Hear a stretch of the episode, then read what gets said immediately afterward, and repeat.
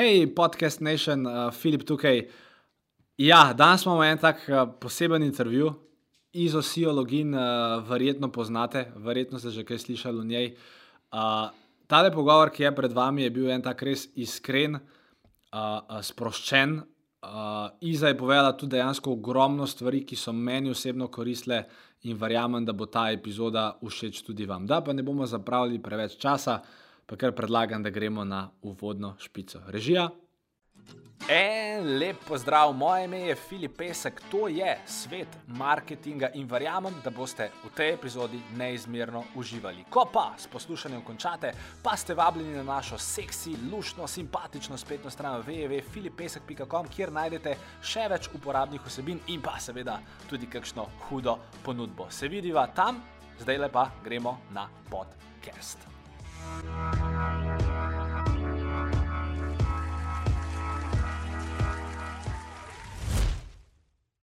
En lep prisrčen pozdrav vsem skupaj danes je z mano Iza Sija, login Iza Sija. Kako si? Pozdravljena, jaz sem super. No, lepo. Hvala, lepo. hvala za povabilo. Ja. Ja, in jaz vedno nekako na štartu uh, probujem povedati nekaj iz srca o osebi, ki jo imam tukaj. In uh, jaz ti moram priznati, da še pred kratkim sem bil tisti tipičen slovenc, uh, ki te je pač poznal iz revije Manager kot najbogatejšo slovenko. Pa sem si pa zadnje dva tedna dejansko dal priložnost in probo res začutiti in razumeti to, kar delaš. In sem poslušal ogromno enih podcastov, uh, tale knjiga Iza in Samorok mi je zelo pomagala. In sem dejansko gotovo, da zadaj za to izosijo login se skriva v prvi vrsti mama, potem v drugi vrsti čudovita partnerka, ki res stoprocentno zaupa svojemu možu, oziroma v tem primeru samotu. In predvsem, da res vse, kar delaš, dela z nekim srcem, pa z nekim višjim namenom. In jaz sem res vesel, da te lahko imam danes tukaj, pa bi te mogoče za štart, ker vprašam na tako preprosto vprašanje. In sicer. Pred dnevi je uradno išla tvoja knjiga, oziroma knjiga, ki govori vajno zgodbo. Kako se ob tem počutiš, oziroma je knjiga nekaj, kar se je recimo že manifestirala deset let nazaj, ali se je to zgodilo čist spontano? Ja, zdaj občutki so, so bom rekla, so malo mešanja, ne? zato ker na neki način, ko karkoli ni, ne bom rekla, da je čisto osebna zgodba, ampak je tako nekako mešanca poslovne pa osebne zgodbe in ne bom rekla, da se čist slečeš ampak vseeno je na nek način se postaviš, pred vse pa rečeš, to sem jaz. Ampak namen, ki smo ga čutili, v bistvu vsi trije, samo in Dani, ki je Polajnar, ki je knjigo napisal, je bil pač tak močna potreba, da delimo znanje, pa izkušnje, ki smo jih dobili. Pa v bistvu um, to vedenje, da vsak lahko. In da je vsak vreden tega, da uspe. Pa uspeh ne pomeni, da moraš prodati podjetje za milijardo, ampak tisto, kar te pomeni uspeh, uh, da smo se za to odločili. Uh, ni bilo pa lahko, ne? to je tako bilo, če si rekel, da sem mama. Ja, ne vem, kje porod je bil težji, ali porod dejansko otroka, ali porod ene knjige. Je bilo, kar, je bilo kar tako naporno, unite zadnji dnevi, zdaj to že v bistvu dva meseca, ker angliška knjiga je šla 1. marca, a slovenska 22. aprila, ampak takrat pred angliško je bilo tako, kot sem rekla, en mesec roller coasterja. Uh, pa so vsi tako gledali, kaj se zdaj pri nas dogaja, ker vedno vse vemo, kaj delamo, pa vedno je to bilo pa res tako noro. Pa sem rekel, ne, to je vse v redu, to je, to je proces, skozi katerega moramo iti, to je v bistvu en tak porod. Mm, kako je knjiga nastala? V bistvu um, nastala je kar nekaj let. Ne? Meni se je že v, v, v, procesu proda, v procesu prodaje Outfit 7, uh, ki je bilo res naporno obdobje tistih deset mesecev se mi je zjutraj ob, ob ali jogi ali, ali insanity, ki sem ga delala, tako kot vsakič en poglavje napisal. Ampak ne, ne te knjige zdaj, tako, a ne kaj bi mogla ljudem povedati, kako biti odgovoren, kako sodelovati, kako delati z ljudmi in tako naprej. Uh, kako procese postaviti, kako je project management, management pomemben in tako vse te zadeve, ki so potem zdaj v to baterijsko svetilko zbrane. Uh, potem pa ne vem, kaj je pošlo, ampak to se potem ni uresničilo, ni nič od tega. In potem sem čez ene dve leti spet začela pisati kao roman, ampak jaz nisem pripovedovalec. A ne ti, če hočeš knjigo napisati, moraš biti pripovedovalec. Pol strani že ne pišeš, tudi če nisi pripovedovalec.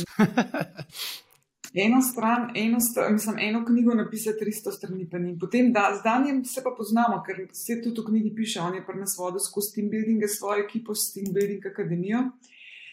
In takrat smo, smo se pač nekaj videli in on tako reče: Ti, ja, veš, kaj se je pa meni zgodilo, ne, ne dve let nazaj, to je bilo une dve let, ko sem jaz že v glavi pisala prvič sem jaz videl, da bi bilo treba knjigo napisati. On je rekel, jaz bi jo napisal, ampak da bi jo bilo treba. In jaz rekel, da ja, je itak, itak, itak. Bi, bi, jo jaz napisal, pa je skojal, da ti si prepovedovalec. No, tako se je začel. In potem je še ta cel proces dejanskega pisanja te zgodbe trajal eno leto. Ne, tako da to je kar nekaj časa, um, pa pa še vse tiste lekture, pa prevodi, pa neskončno branje uh, je, bilo, je bilo kar, uh, kar delo, v bistvu. Jaz mislim, da je veliko bolj simpel knjigo narediti, pa zdaj. Ja, tudi odvisno, kakšne standarde imaš. Ker če se piše zgodba o tebi oziroma o vama, pa itak nekako verjetno hočeš vsak detajl, da je na svojem mestu, uh, pa razne zadeve in, in to čisto razumem. Lej, drugaci, Iza, uh, marsikomu že prej si bila mentor, marsikdo se je zgledoval po tebi uh, v okviru knjige, verjamem, da se bo ta skupnost še nekako razširila. In v tej, reči, um, v tej kulturi osebne rasti se veliko govori o nekih jutranjih pa večernih rutinah. In glede na to, da to snemava nekako do povdne, uh, da mi povej, kako se je danes začel, uh, uh, kako se je danes začelo tvoje jutro, oziroma kaj je neka tvoja jutranja rutina, uh, ki se je držiš. Danes je globalno nestandardno, tako da zdaj, uh -huh. zanima, danes je rutina.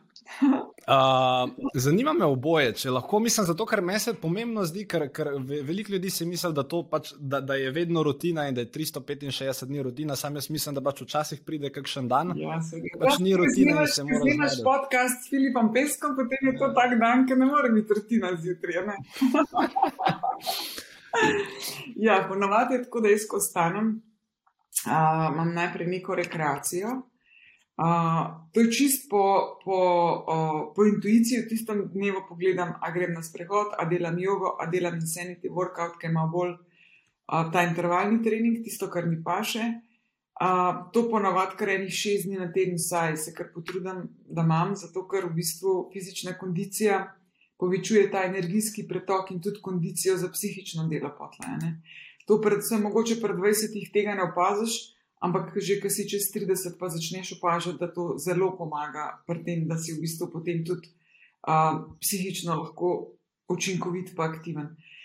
Uh, potem, pa, potem pa po tej telovadbi pač seveda tuš, pa razne kešne masažice, tako s kakšnimi valjčki ali karkoli. Pa pa zajtrk, zajtrk je ponavadi kar močen proteinski, z velik sadja.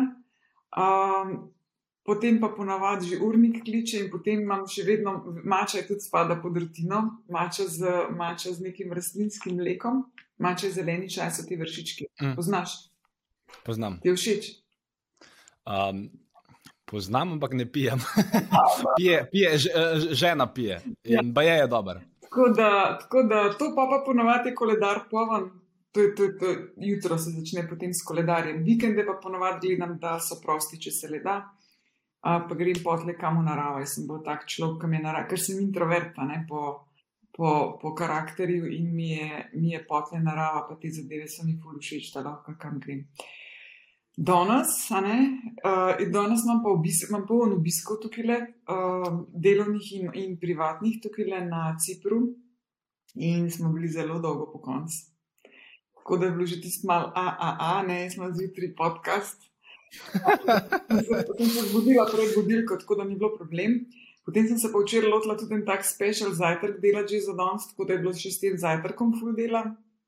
Tako da sem potle to telovadbo svojo jutranjo. A ja, pa seveda, pozabila sem povedati, takoj, ko se zbudim, je meditacija, ne? začnem in končam dan z meditacijo. Uh, ampak to mi je pa skoraj tako, kot dihati, zato to velikrat pozabim omeniti. a, a pa, okay.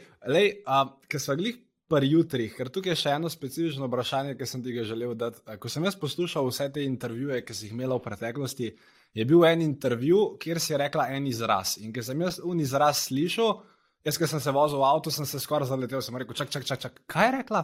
Ker rekla si besedo sleep downloading. Ja. In pol, in, in, in pol te una, ki te takrat sprašvala, ti ni nič vprašala o tem. In sem rekel, oh, upam, da jo lahko danes to vprašam. Mi lahko poveš, kaj to je, ker sem jaz na Google napisal sleep downloading, mi je sam napisal, kako lahko računalnik v stanju sleepa downloada neke file. Ja, v bistvu to je bilo, to je bilo pri meni povod, da sem se začela učiti vse manifestacije tako res zavestno, ta v bistvu downloadanje spanja. Ne, včasih premalo spimo, jaz sem pol let premalo spala, tako 20 let sem spala po 3-4 ure na dan, ne, pa v bistvu ja, pa, pa delala in uh, to je za telo, za telo je problem, ne, ne, ne samo spanje, ampak v bistvu, ko spimo, se regenerativni procesi izvajajo v telesu. Tako da takrat, ko sem šla na to Teta Healing, kjer sem se pa naučila tudi manifestacije in vseh teh zadev, sem šla zaradi tega, ker je ta učiteljica, uh, ki je pripeljala to tehniko v Slovenijo, ne, ker sem vprašala, kdaj spi, rekla, da si pač spanje downloada. In to je bilo za mene povod, to moram znati. Zato da to moram znati. Tako da v bistvu Uh, zdaj vsem gledam, da več spim, zato ker mi je tudi sanjati super in so mi tudi sanje tak, uh, kot bi rekla, ena usporednica v življenju, pa še bolj zanimivo, bolj, bolj odštekanje lahko, nekaj ni takih fizikalnih omejitev, ki jih imamo v tem fizičnem življenju. Uh, ampak, kadar premalo spim, si pa naložim spanje in takrat pač rečem, je to tako z isto tehniko kot manifestacija, da se v tem času tudi vsi re regenerativni procesi izvedejo, ki bi se izvedli. Tako da je v bistvu. A, a to zgleda kot neka komanda, ki jo daš, no. prej greš spat v svoji glavi, v smislu, da je kljub temu, da bom spal tri ure, se bodo v teh treh urah zgodili vsi procesi, ki se morajo, ali je to še en drugačen postopek? Ja, ja, to je ukaz. Zdaj, zdaj komu daš ukaz, je, je stvar osebnega, osebnih, osebnih prepričanj, a ne jaz ponovadi rečem, kar kreator. To je zdaj lahko Bog, univerzum, zemlja, karkoli. Rečem, ukazujem, da se mi v tem času, ko bom spala, naloži dodatnih 10 ur spanja in da se v tem času izvedejo tudi vsi regenerativni procesi, ki bi se dejansko v tem času izvedli. Pa smo pa lahko wow. jutri tako že. Wow, hudo. Ja. Se... Ampak mislim, vsem bi tako generalni publiki priporočala, da če se le da ne raj 8 ur spijo, kot 3 ure ja, spijo. Ja, v bistvu, ja, okay, okay. v bistvu jaz, jaz, moje osebno mnenje je, da je bolj spati. Ker sem mlad sinor in potem probaš vse živo, takrat sem tudi vreme manifestirala, pa ga tudi več ne manifestiram. Spanje, če se le da ga ne downloadam več, pa rataš mal moder, ko rataš starejši. Le, ta tvoja glava, Uh, pa vse to, kar govoriš, meni je to, meni je to fascinantno. In kar, kar mi je še posebej všeč, uh, je to, da v tej svoji lastni filozofiji združuješ nekako dva pola.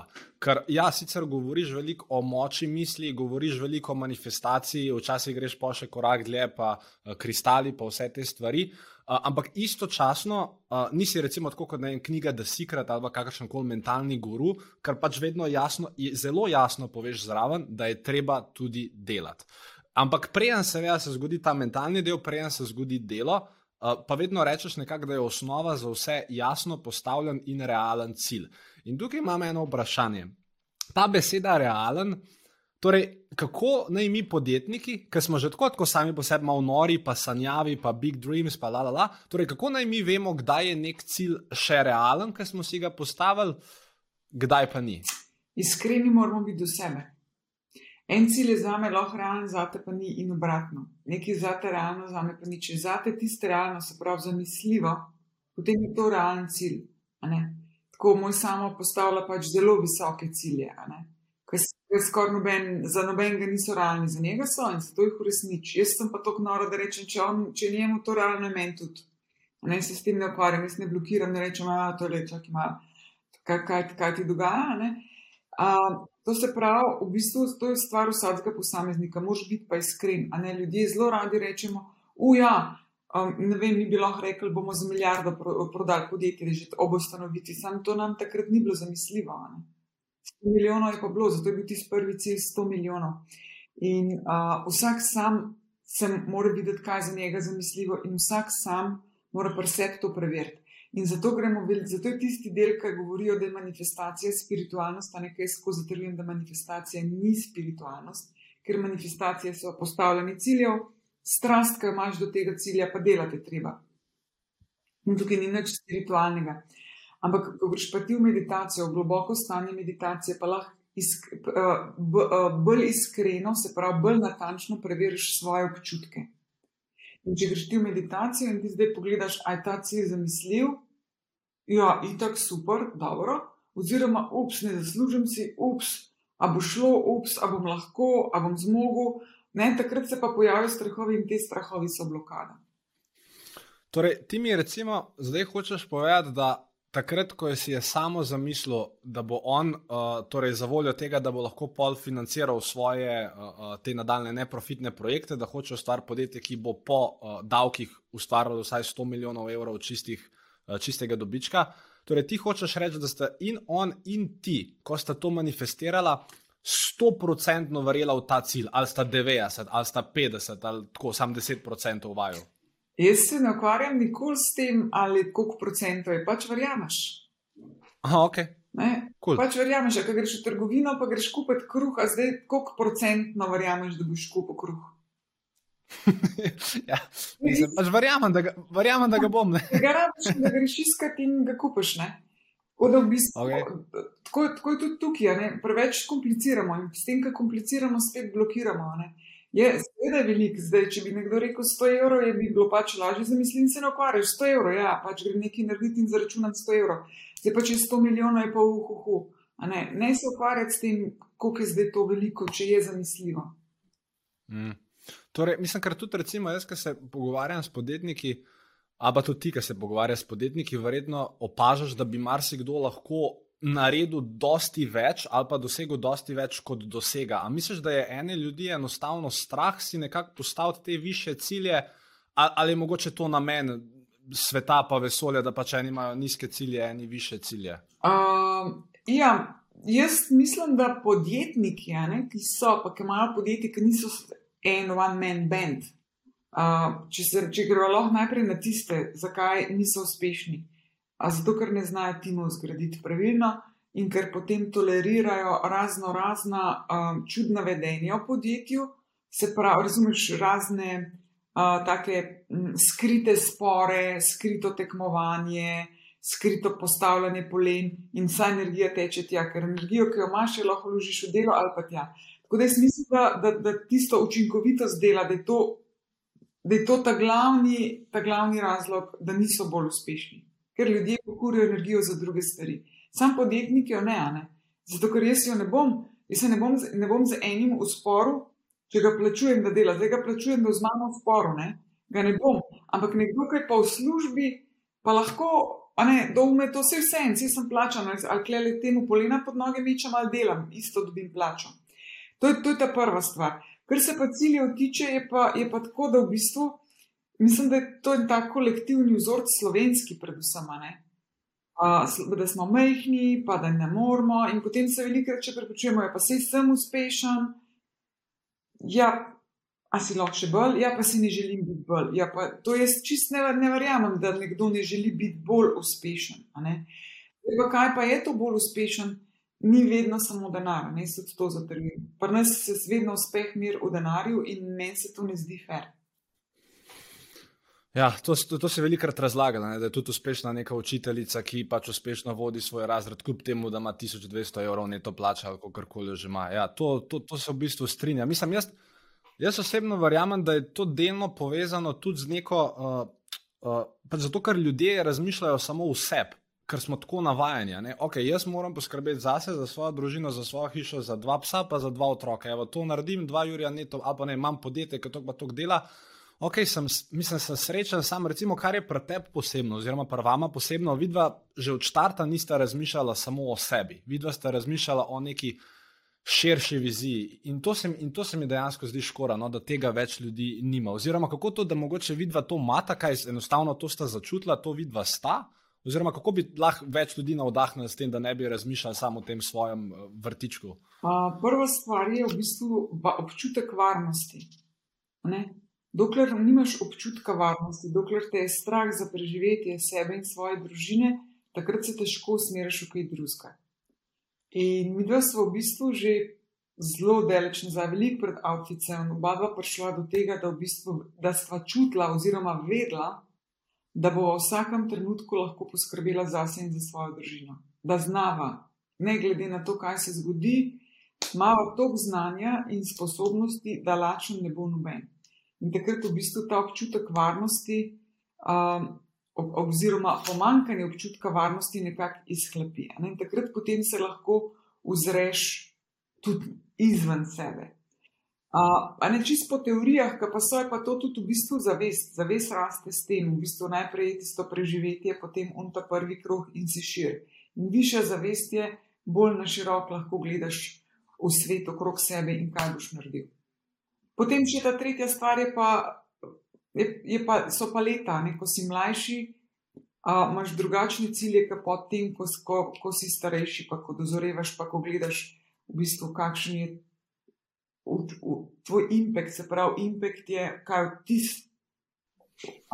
Torej, to je nekaj, kar postiš za sabo to, v tem svetu, to, oziroma na koliko ljudi vpliva. To, ja. to ne pomeni, da moraš, da moraš, da moraš biti v časopisu zaradi tega, ne? Ampak nekako mm. začneš gledati, kaj je tvoje poslanstvo.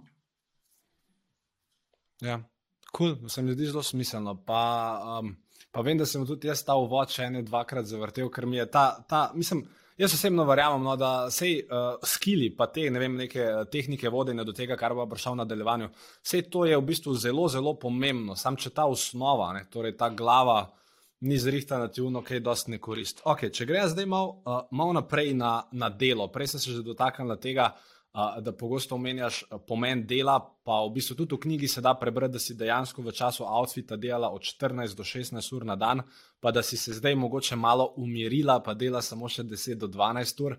Um, recimo spet v, v, v teh nekih podjetniških krogih, pa zdaj, dajmo temu reči, v modernem podjetništvu krožijo neke teorije, kot je recimo knjiga The Four Hour Work Week. Da pač lahko nek podjetnik z neko minimalno upletenostjo ali pa z nekim polovičnim delovnim časom ustanovi neko pač hitro raztoče, full fine, full podjetje s full impacta. A se to tebi zdi en velik bullshit ali ne? Ne, jaz mislim, da, ne. Čist, da je to čist možno. Odvisno je pa to od pretoka, od energetskega pretoka, ki ga imaš v bistvu skozi svoje prav fizično telo. A ne prej sem že omenila telovadbo. Telovadba je ena taka stvar. Hrana, voda, zrak, meditacija, spanje. Vse te zadeve so čist fizične, na fizičnem nivoju, da povečaš pretok. Ker ti v bistvu, če, če pogledava, tako bomo rekla, da je pa pogled um, finančni uspeh. Najlažje se uspeh še vedno meri v financah, čeprav je zatrjujem, da to ni edini uspeh. Ampak v financah imamo neko številko. Rečemo, ne vem, milijon. Če ti hočeš dobiti milijon, moraš to energijo spustiti skozi svoje telo. In če telo tega ne zmore, in najprej fizično, potem je uh, duševno in potem. Uh, spiritualno telo, če tega telo ne zmore, tega ne more spustiti skozi. Zdaj, če hočeš to spustiti v 4 urah na dan, moš biti še toliko bolj fit na vseh treh nivojih. Sem to je. Zdaj, lahko pa rečeš, ne bo milijon, bo tisoč evrov, pa pa rabiš imeti manjši pretok, da ta energija skozi teče. Zato, ker je to, a ne ker sam pogledamo, kako je denar. Nis, niso samo papirčki, ampak kaj za tisoč evrov lahko kupaš, pa kaj za milijon lahko kupaš pa kakšen impact lahko pol, če tako, pač gledaš tako, s tem milijonom. Ja. Tako da meni je to 4 ure čisto realno. Ne? Sem, mi si zmeraj tako visoke cilje postavimo, da pač jih ne moremo v 4 urah na dan implementirati. Včasih si moramo čisto reči, ne, zdaj pa dosta, ne. zdaj pa čisto mm. dosta, zato ker tako, tako vse, a ne zdaj, projekti naši so večinoma neprofitni. Ne. In jaz rečem, le, tudi je pač treba paziti na telo, ker v končni fazi ne, 12 ur laufati 300, 300 na uro, jaz ponovadi rečem, kadar do konca delam, ne tisto, da res daš vse od sebe. Um, je v bistvu ne zmore vsak, to so, tudi, to so pa spet tipi ljudi. Mi smo imeli recimo že Outfit 7 za namene zaposlovanja neko orodje. Uh, mislim, da je bil to PI test, pa bi mogla zdaj le pogledati od kjerga podjetja, kjer smo v bistvu gledali, koliko je človek dejansko prilagodljiv na spremembe, ne? ker smo dejansko bili taki, eh, bom rekla, moving fast, se pravi, smo se hitro, eh, hitro spremenili, veliko sprememb je bilo in tako naprej, in so ljudje mogli biti prilagodljivi na to. Uh, po, po, bilo je tudi, uh, recimo, so introvertni, ekstrovertni, ki si tudi rabo vedeti, da en prodajalec bo težko introvertni, pa bo delal neke hude premike. No, in eno je bilo tudi energy level, ne, se pravi, um, nivo energije.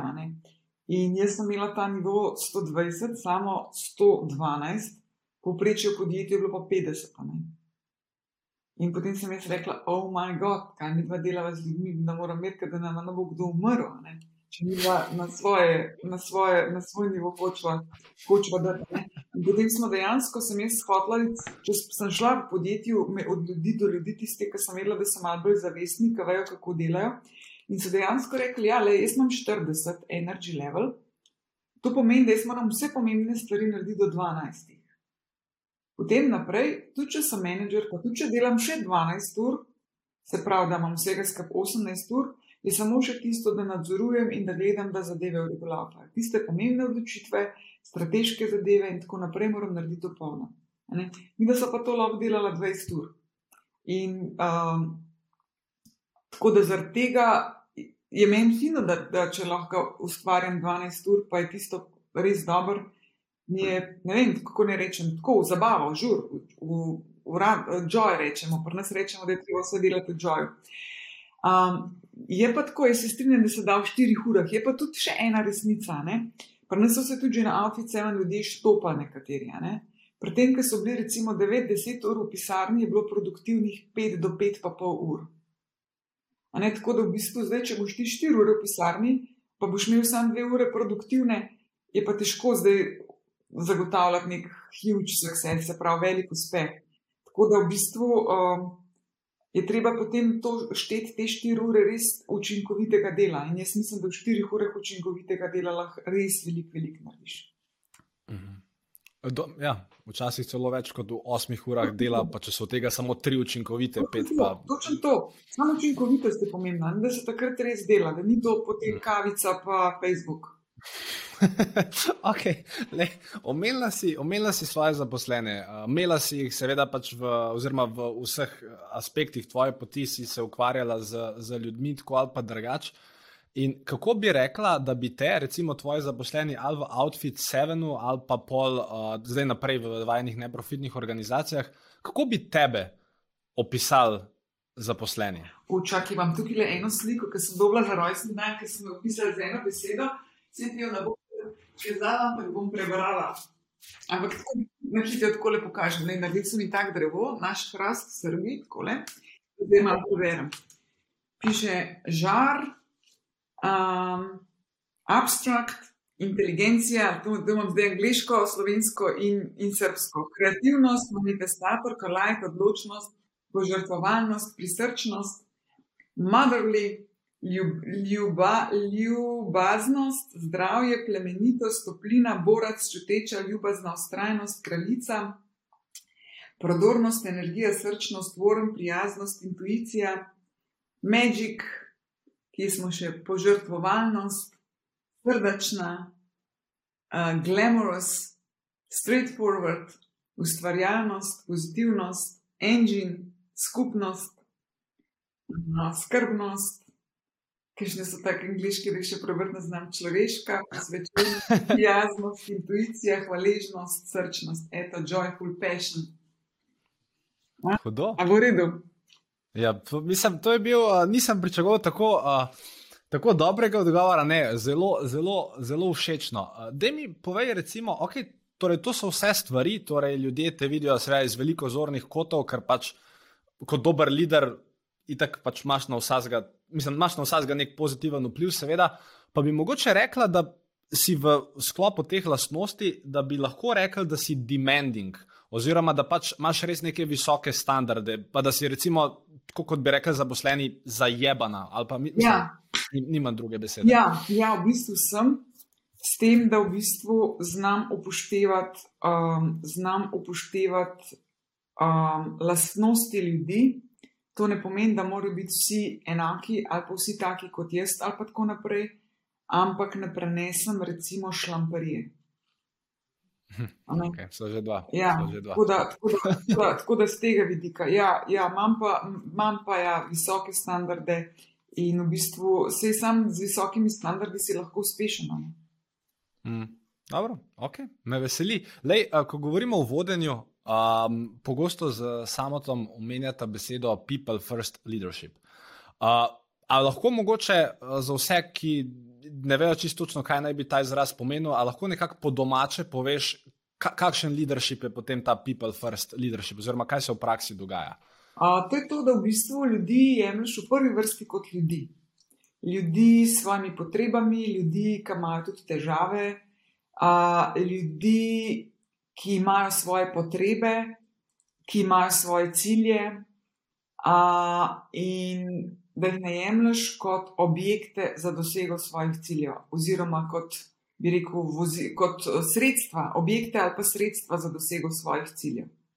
Če rečeš, to so moji zaposleni, to se pravi, so to tako, kot grable, pa vile, pa traktor, da jaz pridem do svojih ciljev. Ne, niso, to so pač ljudje. In da takrat, ko je treba človeka mogoče podpreti in ga počakati, ne da smo zdaj psihiatrična ustanova, ki rešujemo vse osebne probleme, ampak uh, če vidimo, da je nekdo ima v nekem trenutku mogoče tudi osebno krizo, da mu takrat damo tisto moralno podporo, da gre čez. Sicer to ne more trajati v nedogled, ne? ampak da vemo, da smo vsi v bistvu na tem in da tudi en drugmu, to se pravi, pa jaz to rabim, pa drugi meni to dajo. Ne? Da ne... Torej, da je oboje stranski ja, ta relationship. To je tako na kratko, ne pa je ogromno enih tehnik, pa takih zadev. Recimo, ena taka zanimiva, uh, jo lahko povem. Uh, pa je nisem še tako zasledila na velikih koncih. Mi smo jo pač pobrali iz, enega, iz, enega, iz, enega, iz ene filozofije ven. Uh, meet to give meeting. Ne, mi, da smo sodelavca in jaz tebe povabim na sestanek, ne zato, da se zmeniva, kaj boš ti za mene naredil, ampak da, mi, da te jaz vprašam, kako ti jaz lahko pomagam. Oziroma, da te jaz razumem, kaj ti delaš, kaj so tvoji cilji. In če jaz vem, kaj so tvoji cilji, ti spet lahko pomagam, ne, če ti to dopustiš oziroma želiš. In uh, To so, taki, to so take, recimo, ta, taka tehnika, ki tok poveže ljudi in to v bistvu naredi močen tim. In mi smo imeli, recimo, afice, tako enkrat na kvartal, smo dali čokoladice, čokoladne bombonjerce v, v kuhne. Uh, in to je bil mit, to je bil vikend, kjer si jo lahko vzel, ampak jo nisi smel pojesti, ampak si jo nesel nekomu in si ga s čokoladico povabil na mit, to bil miting. Uh, in je bilo tako dobro, da si dobil, da si delal neki, pa se čokoladice pojavi, pogledaš, bo imela biti tudi meeting. Ja, in to ni bilo vedno samo tako, da vas je zdaj mal um, družiti. Včasih je tudi kakšen konflikt se tako rešil. Sem pa šla kot meni ena taka juniorka, čist pripravnica še in tako mi postavil čokoladico na mizo, ker sem bila nekaj huda, tisto, kar si prej rekel, zajemana. In tako postavil pa prav, bo imela biti tudi meeting, kaj ne sem rekel, seveda. Tako da, tako da, ampak, ampak so bile taka orodja, ki ljudem pomagajo. Drugače bi pa ona, jaz bi, ona, jaz bi rekla, ah, vse se še uči, se je nesposobna, ona bi bila tam v, v, v, v neki drami noter in ne bi bila učinkovita. Ne? Tako da v bistvu tudi te people first uh, leadership tehnike so v bistvu spet povečujejo učinkovitost v timih in odnose in v bistvu počutje ljudi. Ker če so ljudje srečni, ki delajo tako, da se dobro počutijo, potem so spet bolj kreativni, bolj učinkoviti, pa še življenje je lepše. Ja, mislim, za vse, ja, jasno. Okay. Uh, ja, tudi v, bistvu v knjigi uh, je, je veliko bilo napisanega o, o tem, koliko uh, pomena pa energije sta dala v svoje zaposlene, od team buildingov, ki ste jih organizirali, do menze, ki ste imeli, do tistih naključnih srečanj v menzi, ko ste imeli neko mix and match uh, kosila. Ampak Torej, mislim, vsako podjetje, kot je sama rekla, oziroma eh, vloga podjetnika je, da zgradi okrog sebe sposobno ekipo, oziroma ekipo, ki bo lahko dihala kot eno. In zanima me, na podlagi česa ste se vi, recimo, odločali, koga boste vzeli in koga ne, oziroma rečeno drugače. Ali je bila to stoprocentno neka logična odločitev, v smislu, da je tam take reference, ta je rekel, da to zna tam te skile, ali ste dejansko, ko je oseba prišla v prostor, se bolj ukvarjali s tem, kakšno energijo oddaja, ali je bila neka kombinacija obojega? Uh, ja, bom rekla kombinacija obojega. Ne? Prvič, vse narabiš človeka, ki nekaj zna, se pravi, če imaš potrebo, recimo vem, po grafičnem dizajnerju, potem mora biti to nekdo z izkušnjami. Zelo malo smo gledali na, samo, na, na dejansko izobrazbo. Tako da meni je bilo zanimivo, enkrat, ko sem po sistemu brskala, pa sem ugotovila, da je, da je recimo bil uh, vodja dizajnerske ekipe po izobrazbi Kukar. Bi bil pa res dober dizajner in vse, dober vodja, in vse, ampak po izobrazbi bi bil kuhar. Sem rekel, wow. Dobro to, nis, dobro, to, da nismo gledali, ne? ker mogoče bi ti dal tisto. Tako. Ampak ja, oboje je bilo. Uh, skilsi so bili pomembni, smo, se pravi, to se pravi tehnično znanje, strokovnost, samo to se vedno da naučiti, če ima človek voljo, uh, pa, um, pa, pa, pa nek drive, se pravi, uh, strast, da se to nauči. Uh, smo pa imeli mi postavljene vrednote že predvsej od začetka in smo v bistvu potem v procesu zaposlovanja gledali, če vse vrednote posameznika, ki je želel priti k nam, uh, ujemajo z našimi korporativnimi vrednotami. Ne, to je bilo pomembno.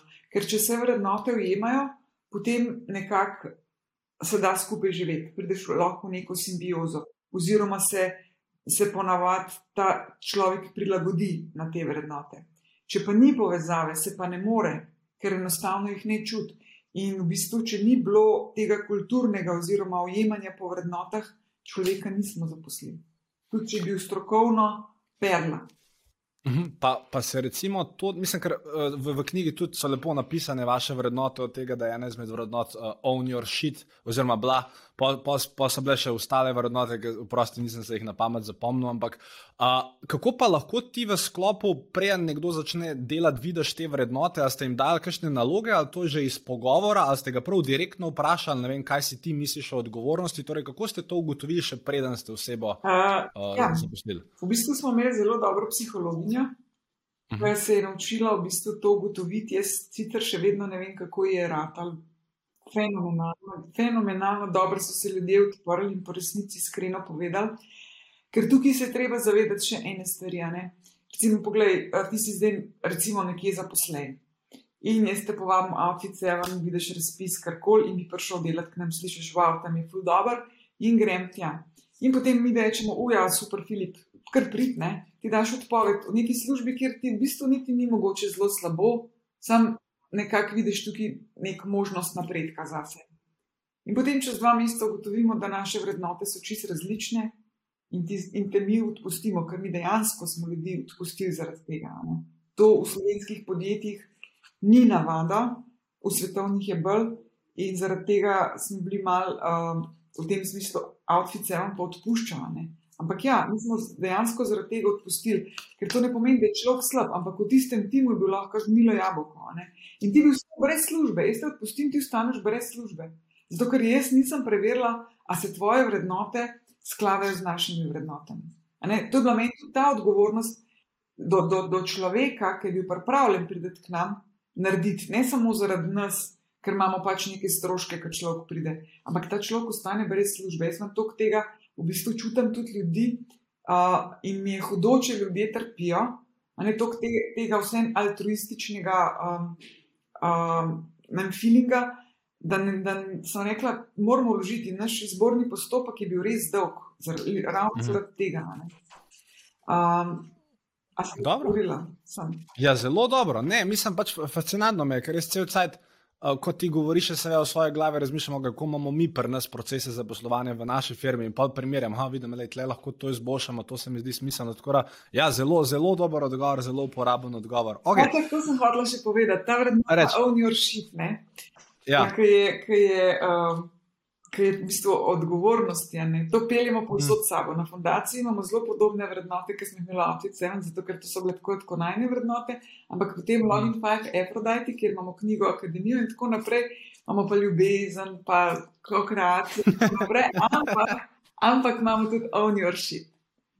Cool. Ampak, ne, ampak je, to je dejansko, če me vprašaš, ena izmed najpomembnejših vrednot, če ne celo najbolj ja. pomembna. Ker če posamezniki ne prevzame odgovornosti za svoje dejanja, pa da skozi zvali krivdo na druge, pa se tako cela stvar, ne premakne. Lej, uh, na hitro bi skočil še na marketing. Uh, mislim, zato, ker mene to osebno zanima, pač, ker imamo marketinško agencijo, pa se vse sam razmišljamo o marketingu, gor, marketing dol. Lej, v knjigi je bil en citat.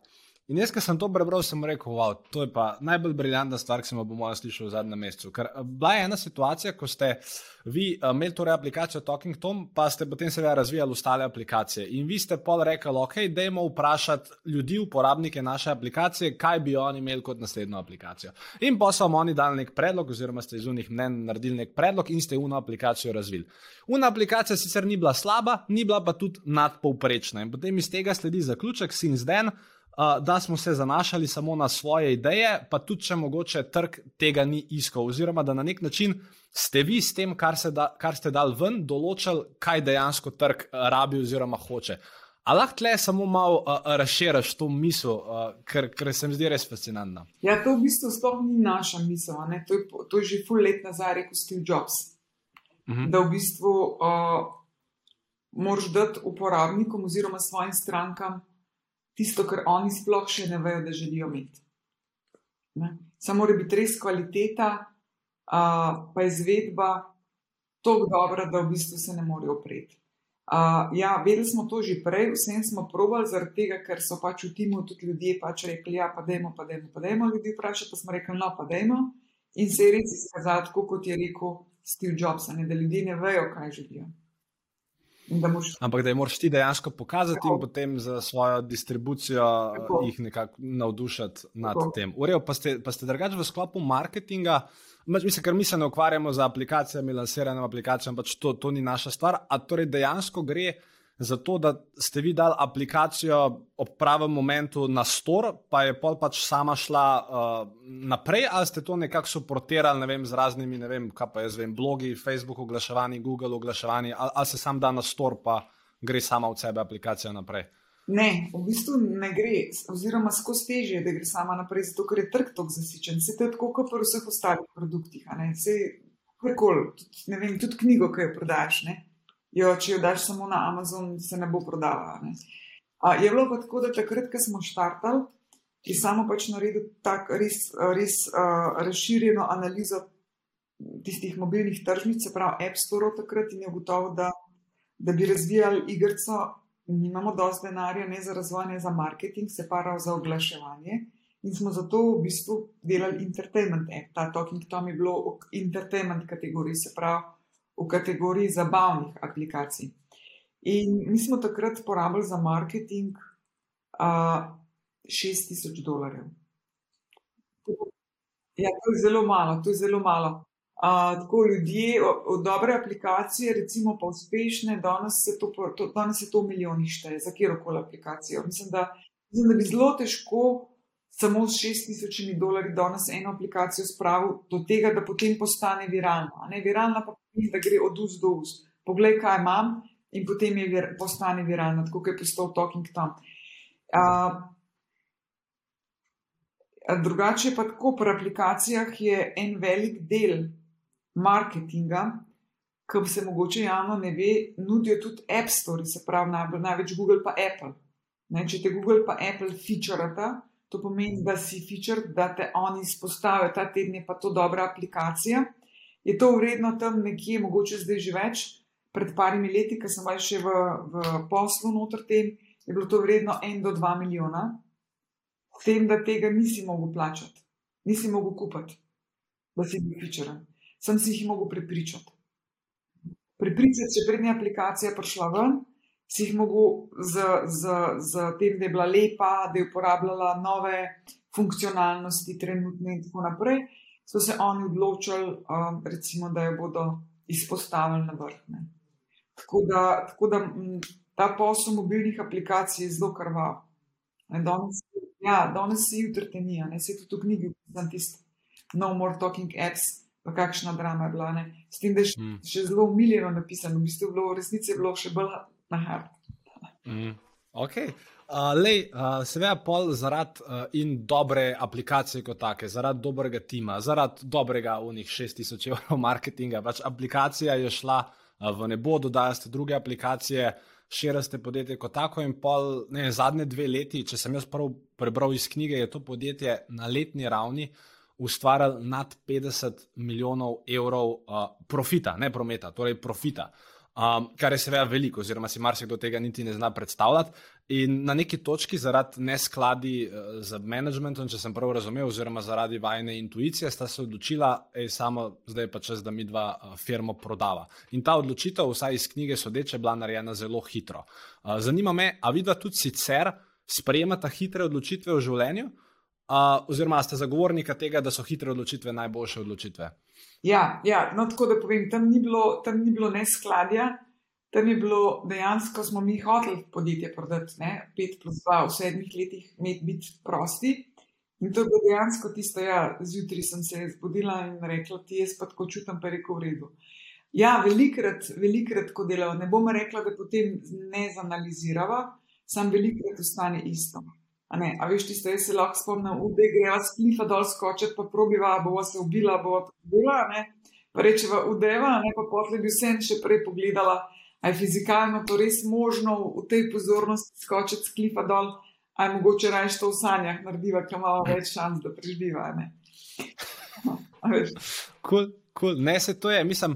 Ja, ker, ker jaz tudi vidim, pa opažam, da tudi če si dlje časa vzamem za kjer koli odločitev, se ponovadi itak na koncu isto odločam, kot kar un primarna ja. intuicija, ki je bila pa samo v bistvu cajtcem za pravo, pa nič ni pa ja. tega bilo. Okay. Uh, Ker smo pri samotoglih, marsikomu sta vzor, ne samo kot podjetnika, ampak tudi partnerja. Pač poročena sta že dolgo let, rada se imata od srednješolskih dni. A, in tako neko splošno vprašanje, no? kaj bi bil vajen na svet, ali pa vajni tri na sveti, mogoče za neko srečno pa, pa trdno zvezo? Jaz bi rekla, da prva stvar je spoštovanje. Ne spoštovanje Pa druga stvar, da ti partner, ker ti je najbližje, vedno največje ogledalo. Ne, če, to, če to uspeš, to tako vzeti, da ti je partner ogledalo, to pomeni, da takrat, ko greš, zdaj bom povedala zelo direkt, ko greš v temo, ker v bistvu imamo samo dva stanja: temo ali pa luč. In luč je ljubezen. Če ni ljubezen, je tema. Ni, če ni ljubezen, ni luč, in če ni luč, je tema. To je tako simpel v življenju. In takrat, ko greš v temo in ti je partner pokazal nekaj, ni on kriv, ampak je v bistvu samo bil ogledalo te tvoje teme v tebi noter.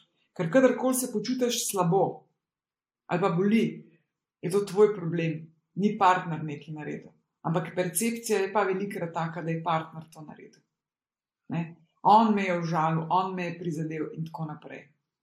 Ne, če, pa, če v meni not ne bi bilo tega triggerja, se pravi te temne temne, temne pikice, na katero bi lahko um, pritisnil, me ne bi prizadel, me ne bi užalil. Ne? In tega, če, če, če se uspemo tega zavedati in da rečemo, je to moja tema, to je moja bolečina, dam to ven in gremo naprej. Tako, um, mogoče sem mal zatežen povedala, ampak tako jaz to vidim. Ne, vse to me, uh, me zanima, tvoje iskreno mnenje. In če to tako vidiš, torej da, torej da en drugega spoštuješ, pa da si pripravljen v bistvu na to gledalo, v redu, pa, pa bova, bova žena šla po teh stopinjah. V redu, zaenkrat smo eno leto poročena, evo še ne vem, 20-30 let. Ne, so bila 30 let, saj. Wow, hudo. Ja. Zakaj mi je to, pa že kar se poročena? Uh, Omenja, mislim, gledal sem, ko smo bili pri teh partnerstvih, nekje v spet v enem pogovoru si rekla, da če partnerja delata za isti skupni cilj, uh, oziroma prepleteta, da imamo temu reči osebno in poslovno življenje, da lahko to v bistvu samo še poveča njun potencial. Um, jaz sem zdaj tukaj povedal osebno izkušnjo, pa bi pa v bistvu prosil za nek komentar oziroma na svet. Uh, mislim, ker seveda, okay, torej to, to vidva zagovarjate, je pa seveda veliko ljudi, ki pač bo rekel, nikoli ne mešati osebnega življenja in, in posla. In jaz, ki sem nas to spoznal, uh, se v bistvu relativno hitro odločili, oziroma ona je dala predlog, je rekla, da je Filip, sam, sam deva se zdaj zmeniti, mi dva nikoli ne, ne bova mešala teh stvari. In sem jaz rekel, v redu. Po čez en let smo ji tako kršila, ker je ona rabila v svoji firmi pomoč, pa smo jim z marketingom nekaj pomagali, pa še danes pomagamo, ampak smo to naredili na način, da se jaz pa ona, ki je dosto v biznisu, ne pogovarjava. A, torej, ona komunicira z drugimi ljudmi v moji ekipi. Poli pa ona zdaj, kaj še ne vem, pol leta prišla nazaj na idejo, veš, Filip, kaj pa če bi mi da vse nekaj skupaj naredila tako full time. In jaz sem takrat ne rekel ne. Rekl sem ji pa ne zato, ker dejansko ta ideja, ki jo ona imela, ni bila v skladu z mojim pešnom, pa z mojim, pač z mojim namenom. In zdaj me zanima, ali bi jaz v tej situaciji mogel, mislim, mogo, po tvojem mnenju, aj, boš, da pol nekdo, mislim, da pač greš ta vsem skupaj nekaj delati, kljub temu, da oba dva ne čutita tega smisla, ali v tem primeru vsem boš, da ne greš tega skupaj delati. Jaz težko dam kar tako le zdaj en pošaljen odgovor, ki bo, bo kar odgovoril na vse. Ampak bi pa vseeno omenila, zakaj, zakaj mislim, da moški in ženska lahko skupaj več ustvarjata, uh, kot vsak posebej. Uh, uh, veš, ker v bistvu spet gledamo čisto iz energijskega nivoja. Samo energija, plus minus, fiziska bi lahko rekel.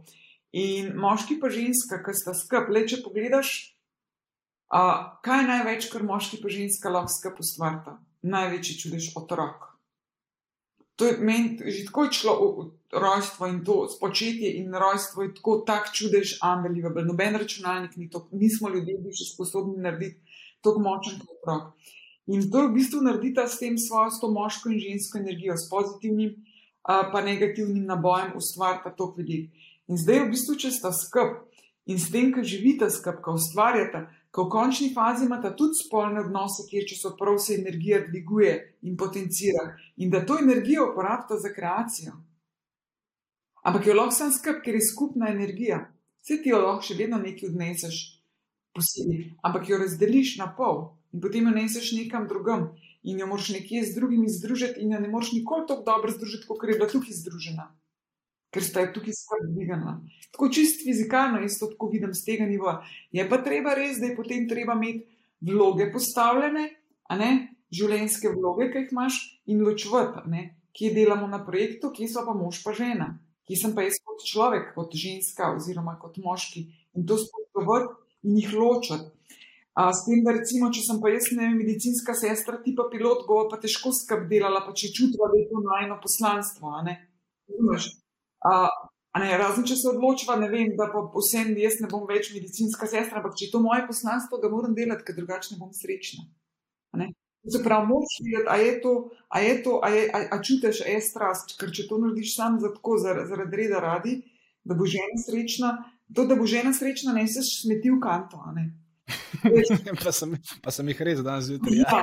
Ja, ni, ni pa to neko ustvarjanje, neko hudo ustvarjanje, če ni, če ni v zadnji strasti, ali to se pa treba pač pomeniti. Ampak verjamem, da se da najti skupna stvar.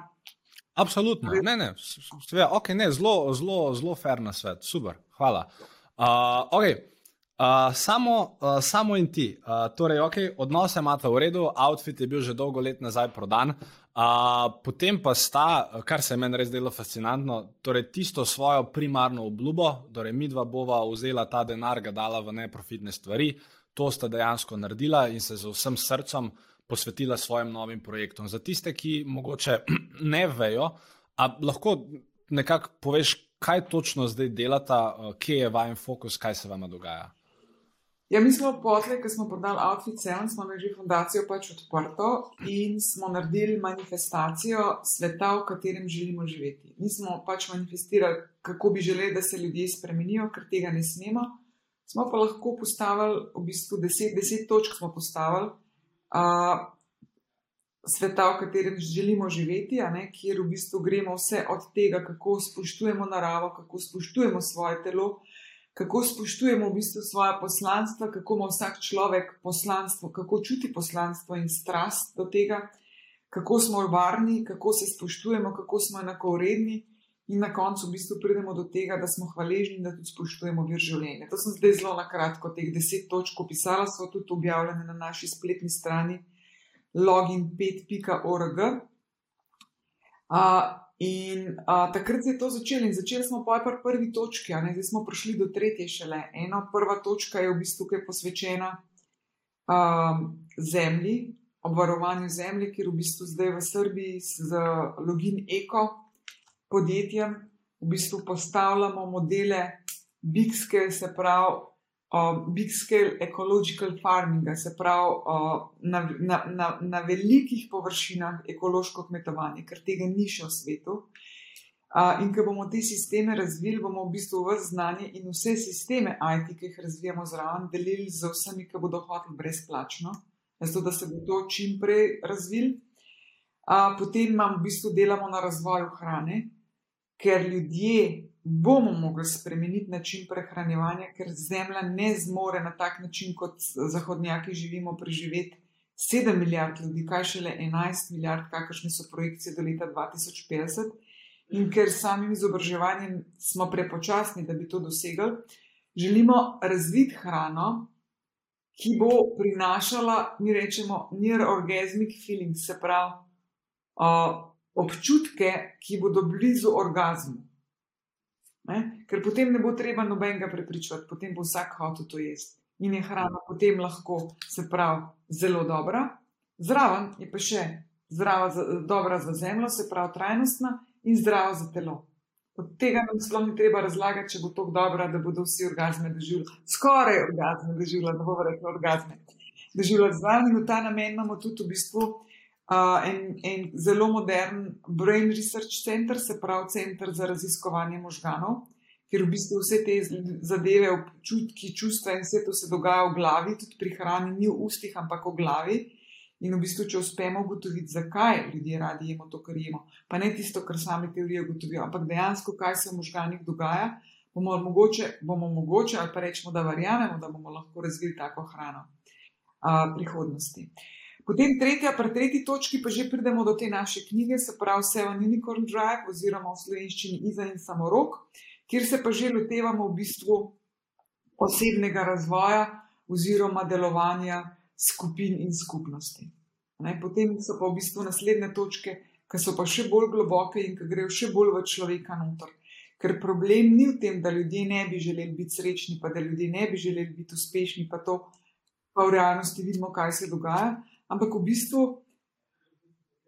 te notranje um, uh, travme, oziroma vzorci, oziroma prepričanja, oziroma genetika, ne, ker smo prenesli že sabo od svojih predhodnikov, od svojih, od svojih um, um, um, staršev, starih staršev, prastaršev in tako naprej. In to se samo nalaga, ker ni, ni več tega, ta, teh ta pravih metod, ki so včasih dejansko bile, ker so ljudje znali te travme osvobajati oziroma zdraviti oziroma ozdravljati za teh, teh termojelik. Uh, in, in to je tisto, kar nas mori in kar nas spravlja, eno tisto, kjer smo štartali, kjer smo usmerjeni samo še vase in se ukvarjamo sami s sabo, na drugi strani nas pa v bistvu mori, da ne moramo biti produktivni, da ne moramo ustvarjati, da ne moramo biti v radosti, v ljubezni vse čas. Ker to ni samo stvar, v zdaj bom pa v ljubezni. Ja, ne, tudi jaz nisem vedno, če se slabo počutim, nisem, ker sem prej rekla, ali je luč in ljubezen ali je tema. In če se slabo počutim, sem v temi in jaz rečem, fejsi, zdaj le si iza v temi, kaj boš naredila. In je treba poiskati, kaj, kaj se skriva za to bolečino od zadaj. Ja, on tam en na telefonu, me je spravil to, ne, noter je bilo v meni, ker ne more me nekdo do zunaj spraviti, če ni tega v meni. Ne? In, in uh, ta del je bo pa v bistvu največji izziv, če bomo hoteli uh, človeštvo spraviti do tega, recimo, da bomo lahko, tako bomo rekli, da bomo lahko ustvarili svet, v katerem želimo živeti. To je tisto, kar je pa največ dela. Ker jaz rečem, če, če, bi, če bi imela zdaj le čarobni prahac, in bi posuli ga po svetu, pa nimamo pravice, in bi vsi rata zavestni, zavestni tega, kaj delamo in kaj čutimo, a, potem smo rešeni. Ja, le, čaka, nas, čaka nas še nekaj, da do te stopne prijemo, ampak verjamem, da z vajno pomočjo nam, a, nam lahko to uspe. Torej, nekdo, ki je recimo prebral a, a, vajno knjigo, pa je, da jim reči nek. Um, Ne vem, vodja v nekem podjetju ali pa želi biti nek voditelj nove generacije, Nekaj ste se prej pogovarjali, nek, neko akademijo ste razvili, če sem prav razumel, za, tako, za te ljudi. Tako, tako, tako. Knjiga je v bistvu začetek, knjiga je, knjiga je uh, seme, v bistvu za njo pa zdaj raste akademija, kjer, uh, kjer bomo v bistvu delili znanje, prakse, mi rečemo temu next level vodenja. Se pravi, tega srčnega vodenja, vodenja iz srca, zavestnega vodenja tako kot smo že rekla, people first, se pravi ljudje na prvem mestu vodenja, uh, kjer bo seveda veliko bo na internetu, online, uh, sploh zdaj zaradi teh dogodkov. Uh, s tem, da me, jaz pa najbolj veselim tudi v bistvu teh fizičnih delavnic, kjer so, kjer se v bistvu lahko naredijo največji premiki, kjer bo pa v bistvu uh, se že postavila center na bledu, uh, pa tudi po drugih koncih sveta bomo potlešli. Uh, in uh, zakaj, zakaj smo se tega lotili, te, recimo naše tretje točke akademije um, na področju po, biznisa, posla? Zato, ker jaz verjamem, da en vodja ima ogromen učinek na vse svoje zaposlene, na cel svoj tim. In če on, recimo, sploh ne kako ne rečem drugače, ušteka, oziroma razume in čuti, kako to narediti, bo največji role model, se pravi, vzgled vsem svojim ljudem in bo v bistvu lahko naredil premik naprej. In je to veliko večji učinek, ker če mi delamo ena na ena s posamezniki kot če delaš z nekom, ki ima pod sabo 20 ljudi, 200 ljudi, 2000 ljudi. In to ne se nazaj v svoje podjetje. Ok, fajn. Iza, eno vprašanje imam še zate. Uh, velik, torej, vajen fokus je na tem, da se spremenite svet na bolje, tako ali pa drugače. Recimo za nekega posameznika, ki sedaj gleda ali pa posluša ta najem pogovor. Kaj je ena stvar, ki jo lahko jaz ta teden v svojem življenju naredim, ali pa kdorkoli drug, ki bi pač pomagal, uh, po, mislim, da bi ta stvar pomagala planetu Zemlja in, in, in vsem tem stvarem. Kaj, mislim, kaj, kaj bi bile te neke tri stvari? A, tri stvari. Ena stvar je povezati se z Zemljo. Itven, magar bos na travo, bos na pesek, bos v reko, vodo, morje, kjerkoli je to možno. In začutiti v bistvu to, m, to mogoče ni najbolj simpel, ampak trenirati se v tem to brezpogojno ljubezen od zemlje, ki jo dobivamo. Ne glede na to, kaj delamo, koliko smo kruti, koliko izkoriščamo, ona nas brezpogojno ljubi in nam daje pogoje za življenje. Uničiti tako, tako ne moramo, uničimo lahko samo sami sebe. Zemlja bo preživela. Ta druga stvar, pa je v bistvu, je pa čist konkretna. V bistvu o, potrošniki glasujemo svojo denarnico s tem, kaj kupujemo in kako kupujemo, in kako delamo s tem, kar delamo. In če nekdo reče, se jaz ne morem sam nič narediti, ne, ker sem sam eden in sem večkrat nepomemben. Le mi dva sva že dva, ki greva v trgovino, kaj kupva. A kupva, uh, ne vem, sadje špricano s pesticidi ali kupva ekološko. Ja, ekološko je v tem trenutku draže, zato ker, je, ker ga manj proizvedejo. Ampak če bo mi dva oba začela ekološko kupovati in bodo vsi začeli ekološko kupovati, bo ekološko postali, bo, bo, bo ista cena. To se pravi, mi dva se odločava, kaj želiva. Proizvajalci samo tisto, kar potrošniki kupujejo, proizvajajo. In recimo obleko, ne ta tekstilna industrija, je v bistvu tretja najbolj, najbolj kritična industrija uh, za zemljo. Koliko obleke kupimo, koliko, koliko časa obleko nosimo? Jaz imam deset let stare obleke, ki jih tako nosim, kot da bi jih včeraj kupila. To je stvar odločitve, ni treba vse obleke zamenjati vsako sezono. Uh, in tako naprej. Tako da v bistvu dve, te dve stvari bi dala, ta tretjo bi pa sama rekla, radi se imejmo, najprej sami sebe, potem pa vse okrog nas, ker življenje je tako kratko.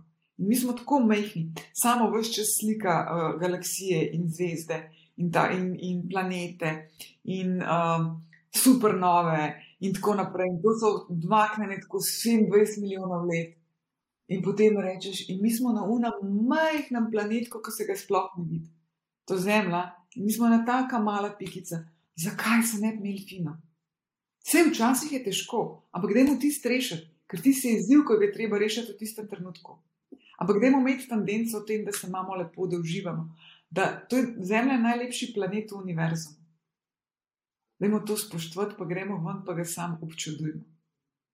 Ker, ker zdaj, če povem, če ga še malo zafilozofiram, pa v naslednje življenje, ko bomo na enem drugem planetu, se lahko spomnili, da veš, ko sem bil na Zemlji, koliko je bilo tam lepo.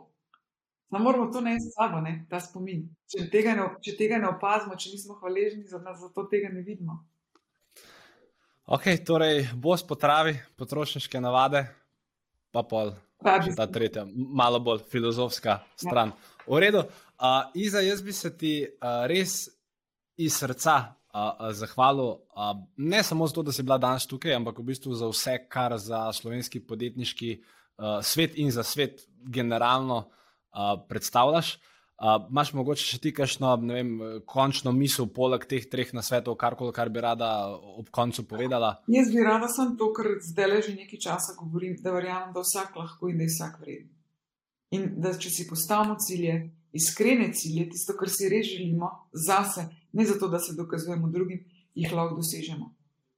In um, nekaj bomo to, ta del začeli se že premikamo po njih naših točkah naprej da v bistvu da imamo strast in da ustvarjamo, in da so ustvarjamo skupaj, in da ni konkurence. Noben mi ne more biti konkurenca, tega se moramo zavedati kot podjetniki. Za moje stvari nimam konkurence. Če pa nekdo nekaj boljš počne, kaj jaz, pa jaz nekaj, nekaj boljšega. okay. uh, super, uh, vsem, ki ste tole gledali, uh, mislim, izje verjetno vse en. Jaz bom pa vesel, če spodaj um, napišete kakršen koli komentar, feedback na ta pogovor, oziroma Mogoče, če eh, prej smo govorili danes o tem svojem vrtičku, zdaj, če vam je ta intervju bil všeč, ne biti fokusirani na to, kaj boste vi z njim naredili, ampak dajte mogoče razmisliti, ali imate kakšnega podjetnika, kakšnega karjerno ambicioznega človeka, ki bi ta intervju mogel slišati, pa mu ga magar uh, pošljite. Uh, in za tebi še enkrat hvala. Hey, hvala tebi, bilo je prijetno.